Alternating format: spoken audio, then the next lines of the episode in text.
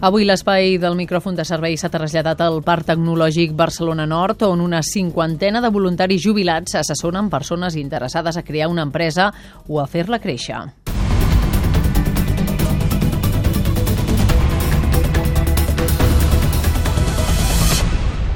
Allà hi ha una unitat mòbil amb José Antonio Rodríguez i Cesc Armengol que parla amb, una, amb uns empresaris que demanen assessorament. Cesc, bon dia. Hola, bon dia. Efectivament, a l'anterior connexió el president de voluntaris en assessoria empresarial, Jaume Marçal, ens explicava que el gran volum d'empreses que necessiten consells són de nova creació o bé que volen consells per créixer i consolidar-se. És l'exemple d'aquestes dues joves empresàries que volen consells sobre com tirar endavant el seu petit negoci en temps de crisi crisi. Aquest és el retall de la conversa que hem tingut amb les empresàries que han volgut mantenir l'anonimat i el seu assessor extern, Miguel Allué. Estem aquí a la cafeteria amb dues joves empresàries que s'han vingut a assessorar a través del BAE. Què us ha semblat? Bueno, molt bé, veníem sobretot per tenir un assessorament de com podem créixer com a empresa i bueno, ha sigut una primera trobada. Tenem que seguirem treballant sobre les nostres problemàtiques, diguéssim, però molt bé, molt bé, vull dir, gent amb molta experiència i que ens donen la seva opinió i el seu punt de vista quant temps fa que teniu la vostra empresa i que necessiteu consolidar-la? 12 anys. 12 anys. I quin tipus d'assessorament necessitàveu, sobretot? Econòmic i a nivell de creixement com a empresàries, diguéssim, com a empresa.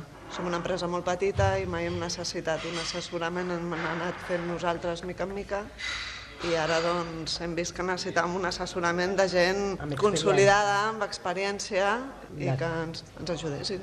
D'acord. El tema de la crisi és lloable, no?, d'altra banda, que vulgueu créixer en temps de crisi. És arran una mica de la crisi que teniu necessitat de... Absolutament. Perquè heu arribat a un moment eh, de dificultat econòmica o simplement just per, eh, per una qüestió de conjuntura econòmica necessiteu créixer?